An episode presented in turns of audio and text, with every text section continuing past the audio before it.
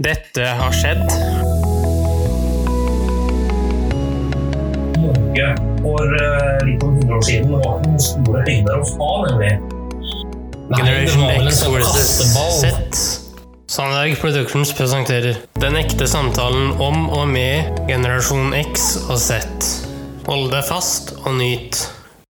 Hei, hei, kjære lytter, og hjertelig velkommen til dagens episode av Generation X versus Z.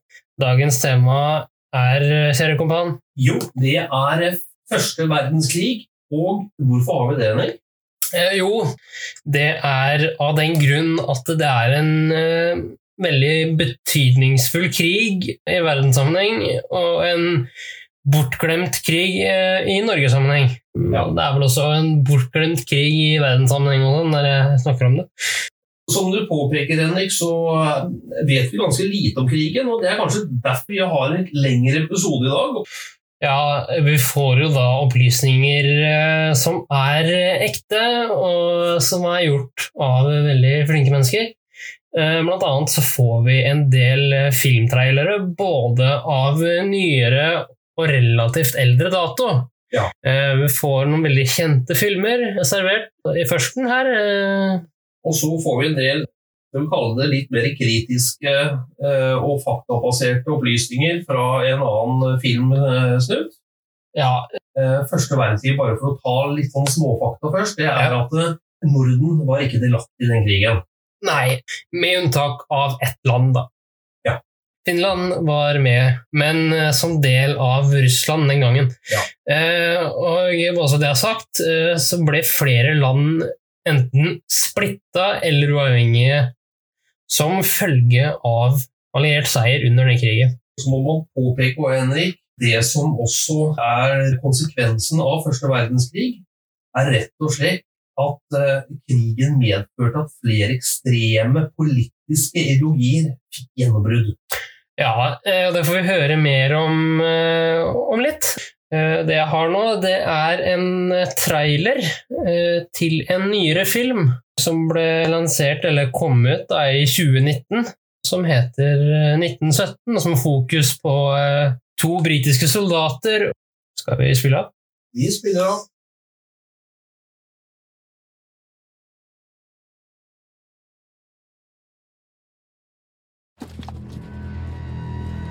In your own time, gentlemen.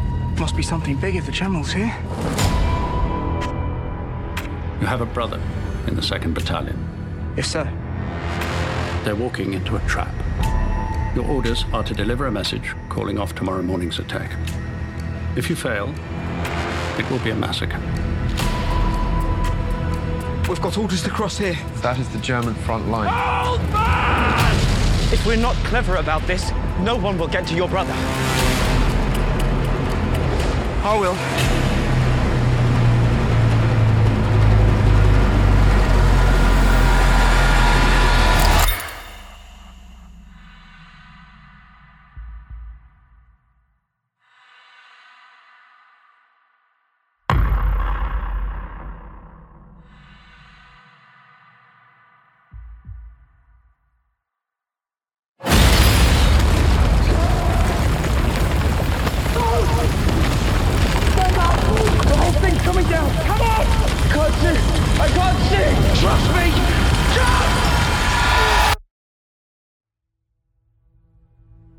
There is only one way this ends.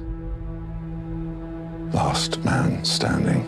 I'm going there to see my father. We need to keep moving. Come on! I'm going there. He can't possibly make it that way, man. You bloody insane!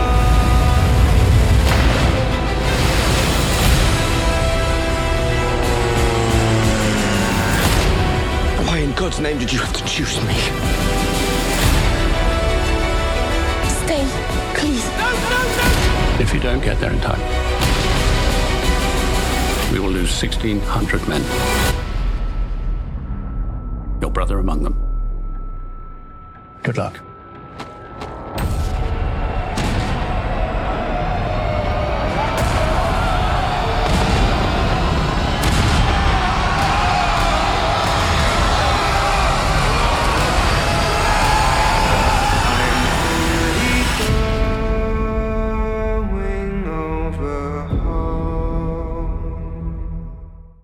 Det bare indikerer hvor brutal krig er. Det.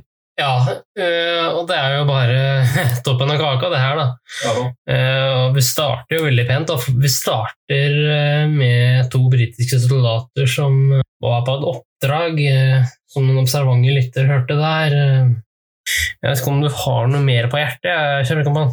Hva tenker du vi skulle høre nå? Eh, Nå så skal vi høre et klipp til, eh, en trailer til. Eh, Denne gangen så skal vi høre traileren til Lawrence of Arabia. Eh, Det er jo en film du har sett, kjære kompan. Ja, eh, det er en eh, klassiker. Det bare forteller at eh, første verdenskrig ikke bare var i Europa, men var faktisk i hele verden. Og Ja, bokstavelig talt, ja. ja, bokstavelig talt så vi bare beveger oss litt videre i krigen. Ja, vi beveger oss fra de tyske frontlinjene og til Jordan. Jordan. Kjør på, kjære. Skal jeg. Only two kinds of creature get fun in the desert Bedouins and gods, and you're neither. For ordinary men, it's a burning, fiery furnace. It's going to be fun. You are a British officer. Yes.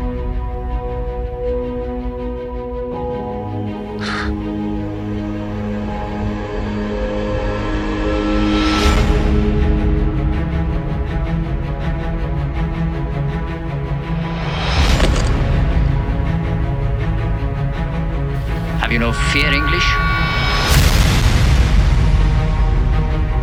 My fear is my concern.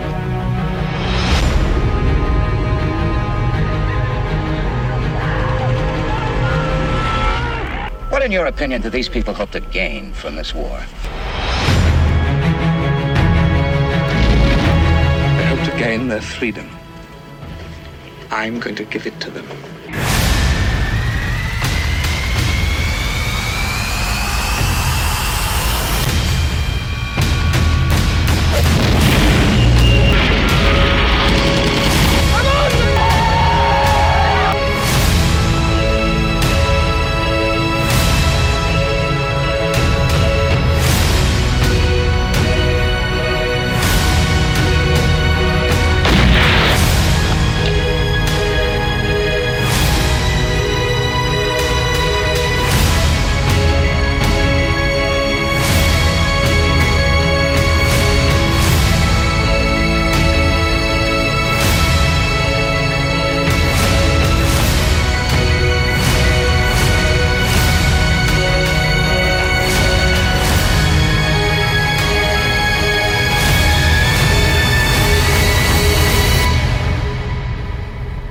For some men, nothing is written unless they write it.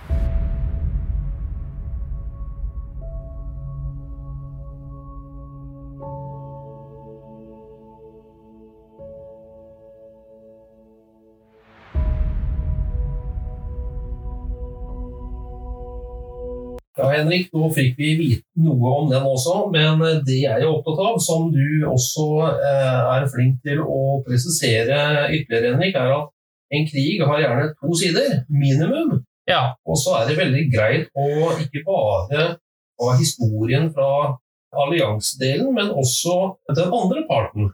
Mm. Ja, nå beveger vi oss også inn i det ungarsk-østerrikske slash tyske landskapet, for nå skal jeg spille for deg en uh, trailer til, denne gangen All Quiet on the Western Front, som skildrer første verdenskrig gjennom tyske slash østerriksk-ungarske øyne.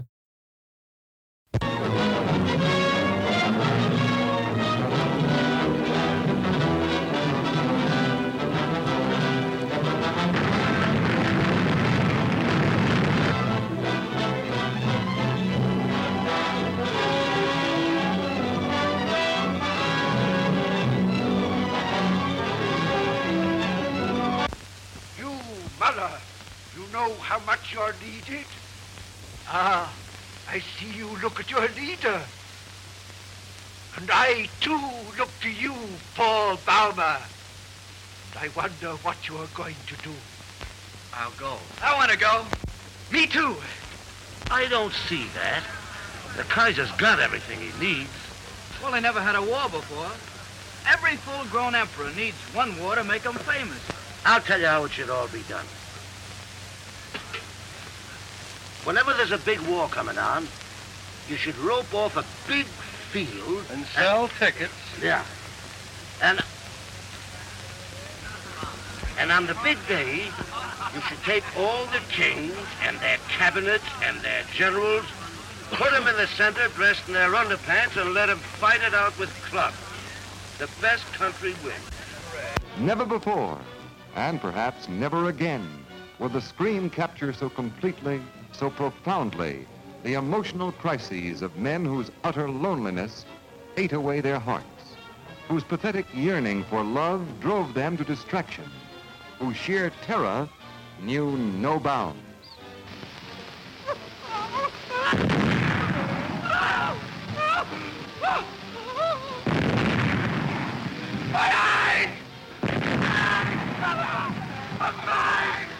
This is the immortal screen achievement, which has become more dramatic, more vital with every passing year. See it. See it again. See it with your heart wide open. For this is the motion picture about which it can truly be said, no man or woman can afford to miss it.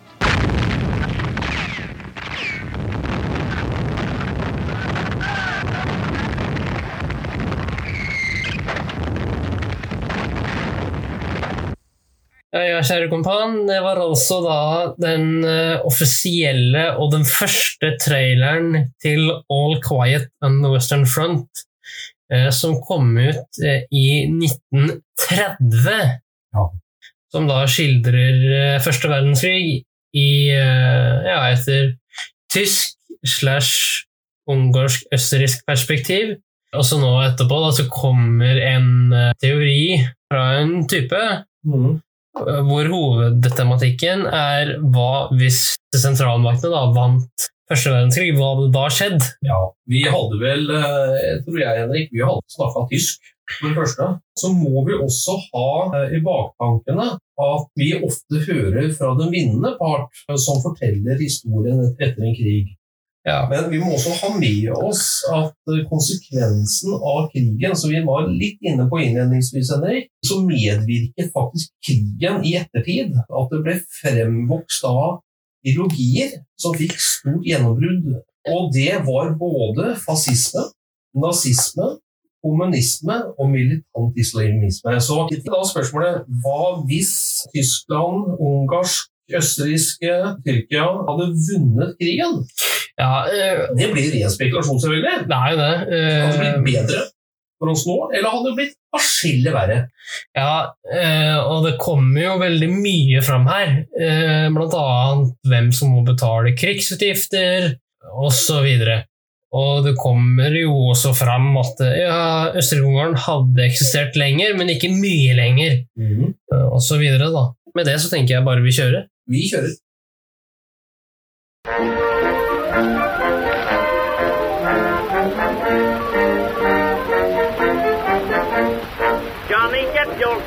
Get your gun, get your gun. Take it on the run, on the run, on the run. Hear them calling you and me, every son of liberty. World War I was called the war to end all wars. Europe was now at a new age, a crisis, where tradition and the modern day were increasingly at odds. Industrialization progressed faster than the mentality did. The old noble ways of gentleman war clashed with the brutal reality of the trenches, and because of this, millions died. World War I was the war to end them all, because this was the last time the old European ideals would fight, the last time monarchies would reign. From who won and lost, new ideas replaced them for this industrial world, like fascism and communism. Simply put, it set the stage for the next. Germany in our timeline brought Russia into civil war, caused immunity in France, and almost broke the Allies in 1917. Before you know, America. It was just by bad decisions that we saw a 20th century of American ascendance, when it easily could have become the German century. Only question is, what would this look like? What if in an alternate timeline, Germany and the Central Powers won World War I. Let's go back to 1914 with the assassination of Austrian royalty Franz Ferdinand. Ferdinand was dead by the hands of a Serb nationalist, and the dominoes began to fall into place. Treaties certainly forced a lot of countries to declare war for their allies. There is one military decision that Germany made that almost certainly lost them the entire war invading Belgium. France had built up their military border in anticipation for a German attack. Germany, however, had a plan the Schlieffen Plan bypass the French defenses on the border by invading through Belgium, which was undefended. By going around this meat grinder, the Germans would have easy access to Paris. Well, that's not so bad. Belgium's tiny. They can't defend themselves. But Germany ignored that Belgium had one key friend the British. And the British had one single condition that it stressed shouldn't be violated don't violate Belgian neutrality. Germany, in a Prussian fashion, believed more in military action than diplomatic consequences, and marched anyway. It was this single act that brought on the wrath of the British Empire, redefining the absolute scale this war would be fought on. The British would block German ports and cut the transatlantic cable between the United States and Germany. In this alternate timeline, for Germany to not lose the war, one major step is it simply doesn't invade Belgium. By doing this, Germany avoids immediate conflict with Britain. Now, this doesn't guarantee the Brits would stay out of it. Keep in mind a Central Power victory would cement German dominance in Europe, and we can't have that. But without a provocation, though, this would buy Germany enough time to gain a major advantage over France, even if it was a year before Britain entered. It was four years of trench warfare between the British and French combined against Germany alone. France alone wouldn't even have the population to sustain a German offensive. So, in this alternate timeline, Germany's military keeps France at bay through a small border they share at Alsace Lorraine, while the majority of their forces fully mobilize against Russia aiding their Austrian allies. Whether or not this alternate strategy would work, who knows, but it does solve the whole keep Britain out of the war thing. No matter what German military strategy is, resentment is still assured against the Tsar. Revolution can still undermine the Russian war effort, like in our timeline, and force the Russians to negotiate. I'll focus on this aspect in a bit. The German forces on the Eastern Front now come to the west. Millions of troops fighting in a small area until one side finally breaks. And without Britain, that side is most likely France. Germany then invades. In our timeline, Germany almost destroyed the French defense in 1917 before the Americans arrived. So it wouldn't be long before the French simply can't defend themselves and are pushed back. Soon, Paris falls. The war in the West and the East is officially over. Both sides tried to fight Germany and lost. Would Britain just sit back and allow Germany to beat two nations in a war, achieving complete dominance over mainland Europe? Probably not. They declare war. It's unlikely, however, that they'd win. As the British were the masters of the sea, the Germans were the dominant military of the land. It's doubtful Britain alone could put a dent in the German occupation. America would simply stay out of the war. In exchange for a ceasefire, an agreement is made very similar to the Treaty of Brest Litovsk. In just one signing of a document, Germany and Austria Hungary seize Poland, the Baltic states, Belarus, and all of the Ukraine and Crimea. By 1918, most of Europe is now either a Germanic puppet or in the Empire. Why would they do this? Germany feared Russian dominance. Russia for centuries was this backwater European wannabe. It had size and manpower, but was woefully poor and far behind technologically. In the last few decades, something changed. It began industrializing rapidly, and if Russia fully industrialized, there was no defeating them. By seizing their valuable lands, diplomatically by military agreement, Germany legally can neuter the Russian state. Quarter of their population, now German. Most of their coal, now German. But this is just the beginning. If there's one thing Slavs don't like, it's being invaded and occupied. So the 2 million German troops in the east now face a guerrilla war against insurgents, including ones funded by the Soviets. France is blamed for putting the worst of the reparations on Germany, but it's not like Germany would be so kind if they were in the same position. In this alternate timeline, Germany keeps Alsace Lorraine. They impose massive amounts of war reparations, and the French people have to deal with a brief German occupation. Imagine France at this time. They had lost two wars now to the new German Empire, basically powerless to stop a state that was practically brand new. It's not hard to imagine elements of French society would be resentful against the Germans. Does this mean we'll have an alternate French Hitler? Probably not. Even if France actually did have a French Hitler, they just don't have the population to win a war. World War I was defining for one reason it set the stage for who the winners and losers would be in the 20th century. Not just in terms of borders, but ideology. Old European aristocratic ways died with the Kaiser and the Austrian Emperor. Don't think Germany and Austria expand monarchies to France or make the king a new power in Britain, but they do send a message that old European aristocracy and nobility is still relevant. It's very possible that the 20th century could have become the German century. The Germans wanted an economic union that united all people of Europe around Germany. Without the rise of the Nazis, intellectuals, including people like Albert Einstein, continued their scientific endeavors inside Germany. However, we're just getting started. The Central Powers have established themselves as victors in this war. What matters is how they use this victory. This, however, is one scenario.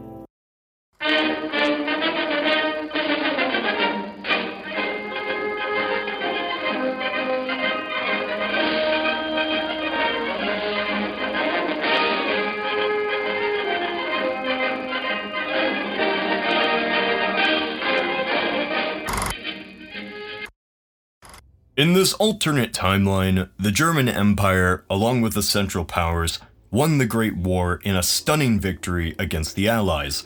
It was not an easy victory, and it was not a quick one, but it was one which redefined the history of the modern world. Conflict has a way of reorganizing the stage along your own terms. This was seen in our timeline when the Allies forever neutered the Germans and Austrians from European politics. The reparations shrunk Germany's economy and territory making it already fragile once the Depression hit, and the war saw the death of the Austro Hungarian Empire. By now, you probably know the ramifications of this. It was this initial defeat that immediately stopped the Germans' rise to power that had been occurring for the last half century. A united Germany under Prussian rule was a formidable force. It wasn't a colonial power like Britain, France, or Russia, but it was still one with growing potential. When the Great War ended and the Kaiser fled, this rise was finished. Germany went down the path of Nazism, which would only destroy it further, and led it into being split between two states for five decades until the 1990s. This was 80 years of being mostly subjected to foreign powers. Today, just two decades later, Germany is once again the economic power of Europe through a democracy. But it's not difficult to see that a unified Germany probably would have gone down a different path in those lost years. This is part 2. When we left off, the Central Powers are victorious against the Allies. The Russians have been driven to civil war, and due to the territory acquired in the Brest-Litovsk Treaty, which doesn't completely collapse, Germany now is left with a sizable portion of Eastern Europe. You may have flashbacks to World War II, but keep in mind it's not like the Third Reich style conquering the East for Lebensraum. As per the treaty agreement, the Russians allow for the birth of new nations in the Baltics and an independent Ukraine, as well as the creation of the Cossack and Crimean states as well. The Germans begin the redrawing of the map. While these Baltic and Ukrainian states are technically independent, they are loyal to the German economy and the financial system, almost like another entity we all know and love. But these states, all in all, are German puppets, with the German minority in each state being the highest class, including the rulers. This is Prussians, after all. Poland never really is discussed, so their future is muddled, and probably violent. Speaking of which, the Russian Civil War is still, of course, happening, and plans get muddled in war. It's easily foreseeable the conflict in Russia blends into the plans with the Germans as the conflict spills over. Communists versus non communists fighting in many areas of Eastern Europe. The stability of Russia is of the utmost importance to the Germans, as a Soviet state on their border is a catastrophe to the traditionalist Prussian culture. The White Army receives vast amounts of funding, support, and men to the front lines from almost every Western state, from Britain, France, Germany, and America. With this aid from the powerful German Empire, the Whites succeed, and the Soviets are crushed. The Soviet Union never arises, which, if you want the full scenario on that, check out this video. Germany, while the dominant army on the continent, was just that on the continent. It was always limited by the superior British Navy and, compared to others, always had a lackluster number of overseas colonies. Going into the war, Germany always had the ambition of stripping much of these colonies from their enemies. Had they won, nothing would have stopped this exchange. In this alternate timeline, what we see is something called Mittel Africa, or Middle Africa. The German Empire seizes British, French, and Belgian territory all throughout Africa, effectively taking over most of the continent. It was basically connecting the three existing German colonies, allowing for one large swamp of land across the African equatorial jungle and savanna. A direct empire across much of Africa and an economic dominant force in Eastern Europe is always a possibility. Rebellions would be put down hard. The likelihood of Germany succeeding at such a huge endeavor across so much land is hard to say, as the Germans lost against South Africa in our timeline. The Great War is over, and to the victor goes the peace. But the peace is only won if the victor is competent, which leads us to discuss the black sheep of the bunch, the Kaiser, Wilhelm II. During the war, he was mostly a figurehead,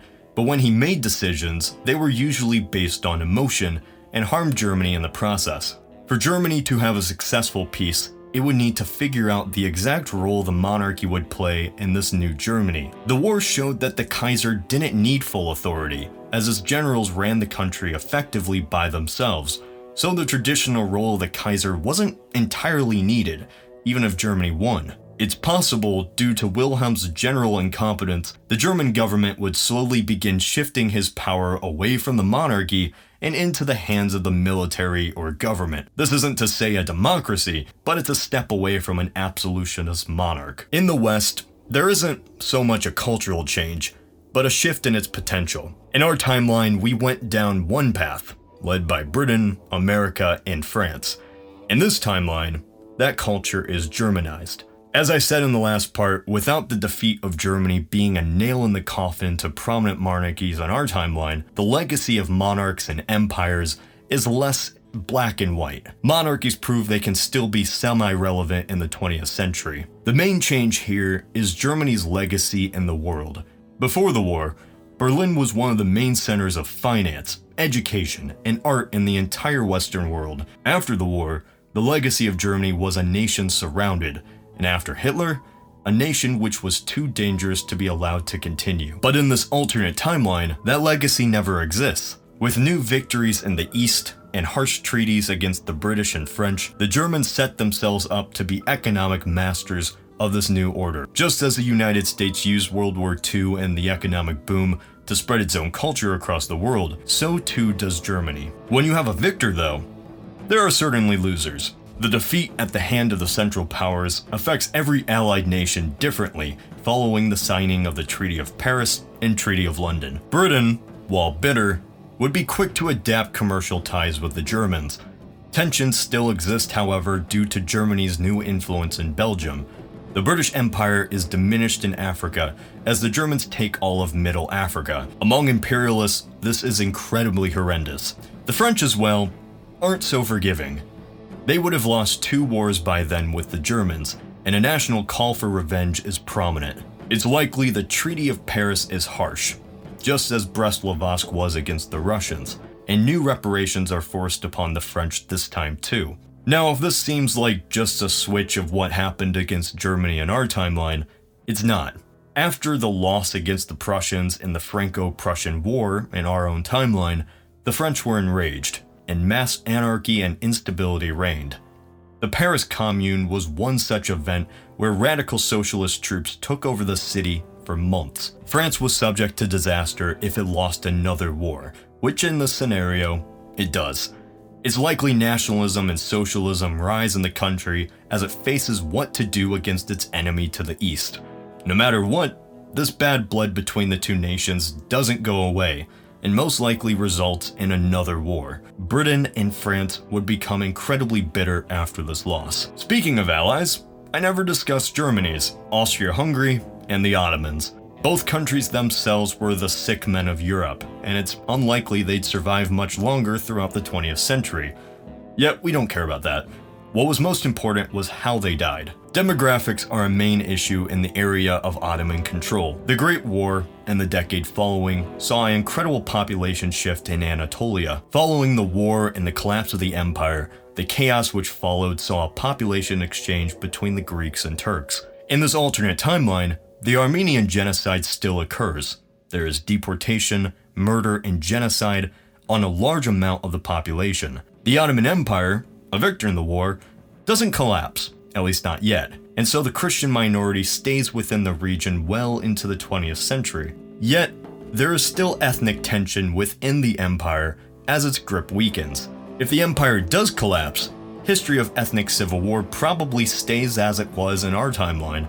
That's just how it is. As for the Arabs to the south, the Middle East isn't simply divided into artificial states like Iraq or Syria after the war. When the Ottomans do collapse, the Arabs unite under larger, more natural states. Iraq is non existent and instead is divided between Shia and Sunni Arabs. The Kurds have their own nation as well. Wars between the groups still happen, but destabilization between groups into civil war, like in our timeline, rarely are such an occurrence. Israel simply doesn't exist in this timeline.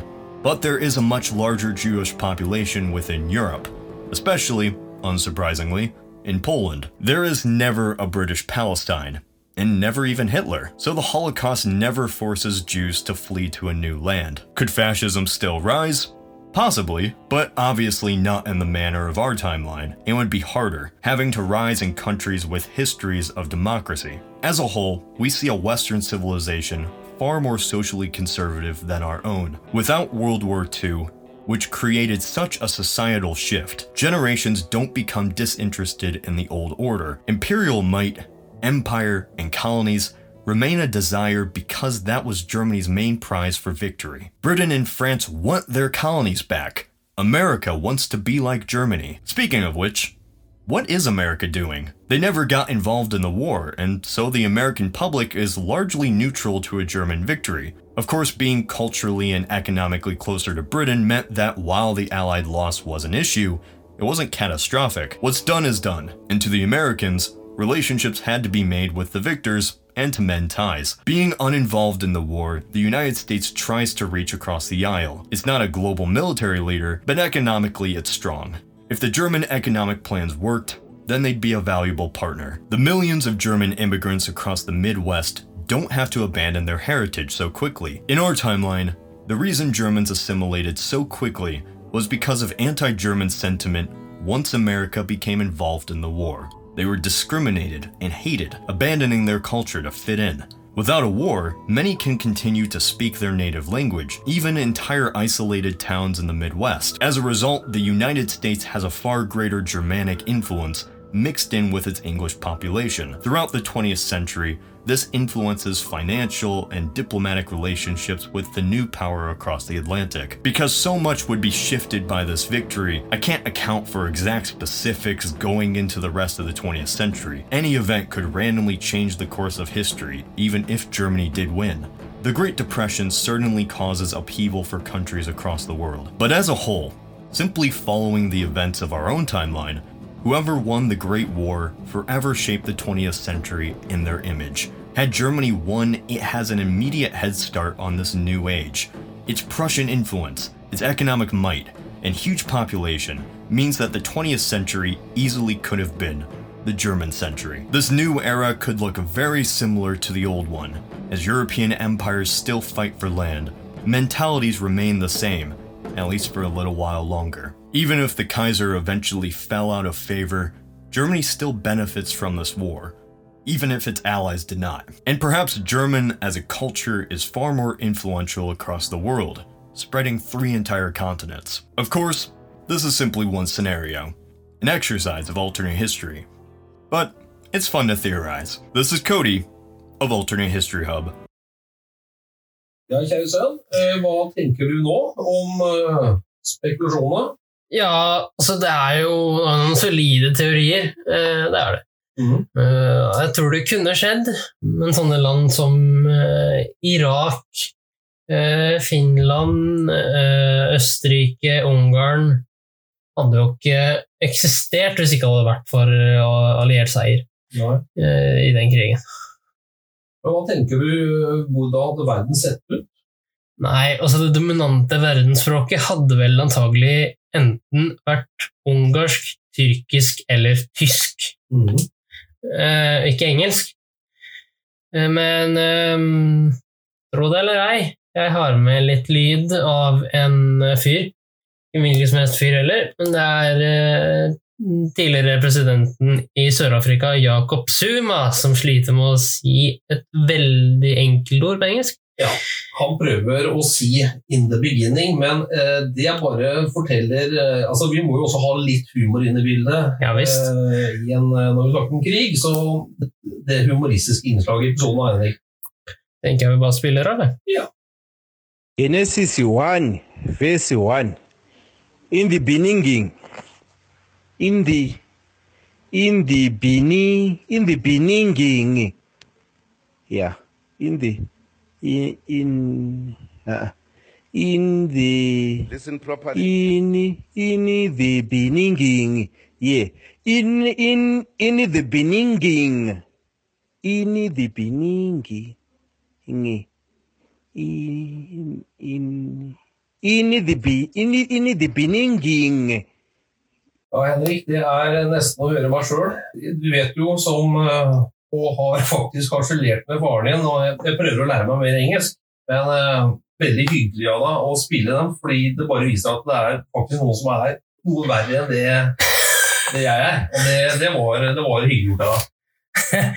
Men det som er morsomt her, det er at han står ved en eh, prekestol, rett og slett. Skal holde en tale, og i den talen så prøver han da forgjeves å si 'in the beginning'.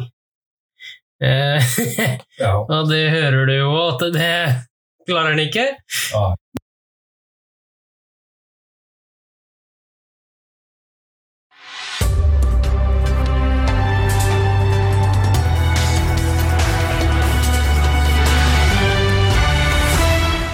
NRK-hjørnet.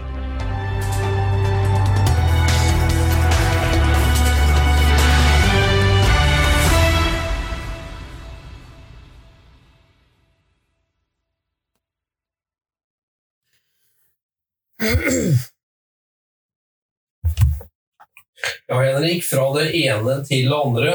Så skal vi over til min eh, faste spalte NRK-hjørnet, som omhandler eh, NRK eh, på godt og vondt. Eh, Og i dag eh, så skal vi ta for oss eh, igjen eh, krig. Men jeg skal harselere med det. Eh, For jeg skal spille av et klipp eh, der hvor eh, krig blir lek, eh, for så å bli krig igjen.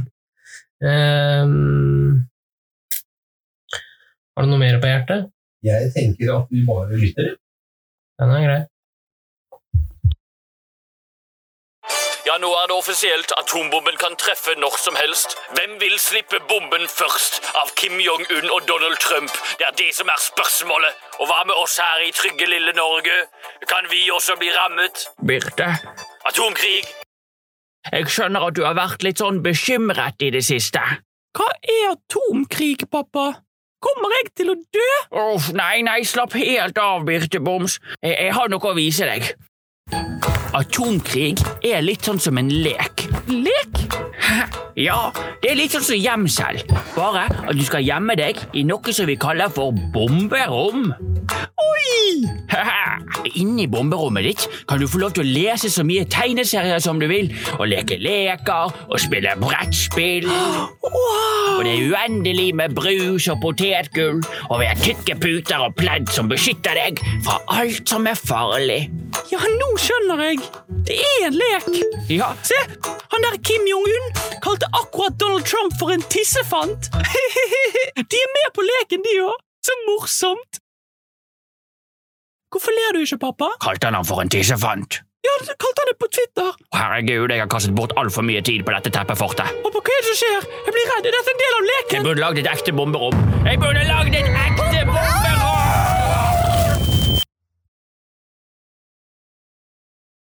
Ja,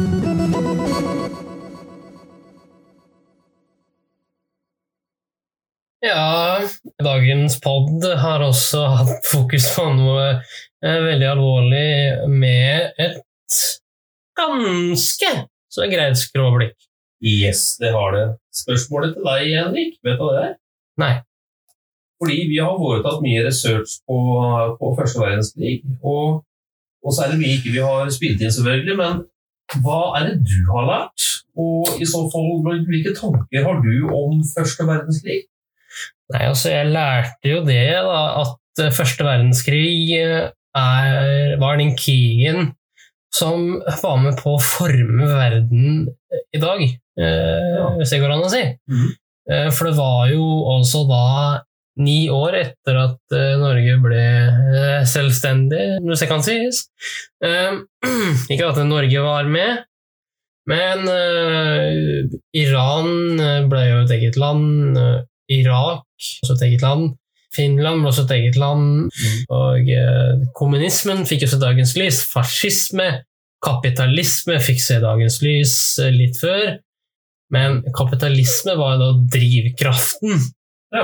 Og det var da en som ikke likte eh, monarkiet i Østerrike-Ungarn, som da var med på å trigge første verdenskrig. Hva med deg? Har du eh, lært noe? Å ja, jeg har lært masse. Det av første verdenskrig, at det var så omfattende, altså var så mange land involvert, det overraska meg. Mm. Også, det var jo en verdenskrig i ordets rette forstand, fordi hele verden var jo med. Absolutt. Og ikke minst det som, eh, som det du var inne på, altså konsekvensen av eh, første verdenskrig.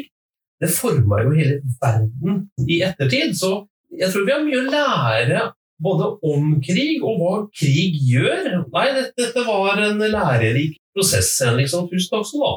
Ja, og så vil jeg bare legge til noe på tampen der, og det er at eh, krig generelt er veldig dyrt, eh, både i menneskeliv og i form av penger. Det kan du finne ut av selv, kjære lytter. Eh, hvor mye koster, det kan jeg eh, linke i show notes eh, hvis det er interesse. Kan vi heller ha en hovedkonklusjon, Henrik, at krig er faktisk det er en grusom tragedie. Uansett. Ja, eh, krig er tragisk. Eh, jeg glemte faktisk å si i forbindelsen at eh, hvis du er følsom eh, eller har små barn, så bør du ikke høre på dagens episode. Eh, Kanskje litt seint nå? ja, ja, men det er bedre å ha sagt det Ja, enn ikke å ha sagt det. det. er det riktig. Nei, ja, ja, ja, folk er. Men tusen takk igjen for et utrolig hyggelig pod sammen med deg. Ja, bare hyggelig, det. Alltid. Mm. Ha det godt, Henrik. Ha det godt. Tusen takk for at du fulgte oss. Gi gjerne tilbakemelding, likes eller kommentar på Facebook-siden vår Generation X versus Z. Velkommen igjen til neste podkastepisode. Hei då!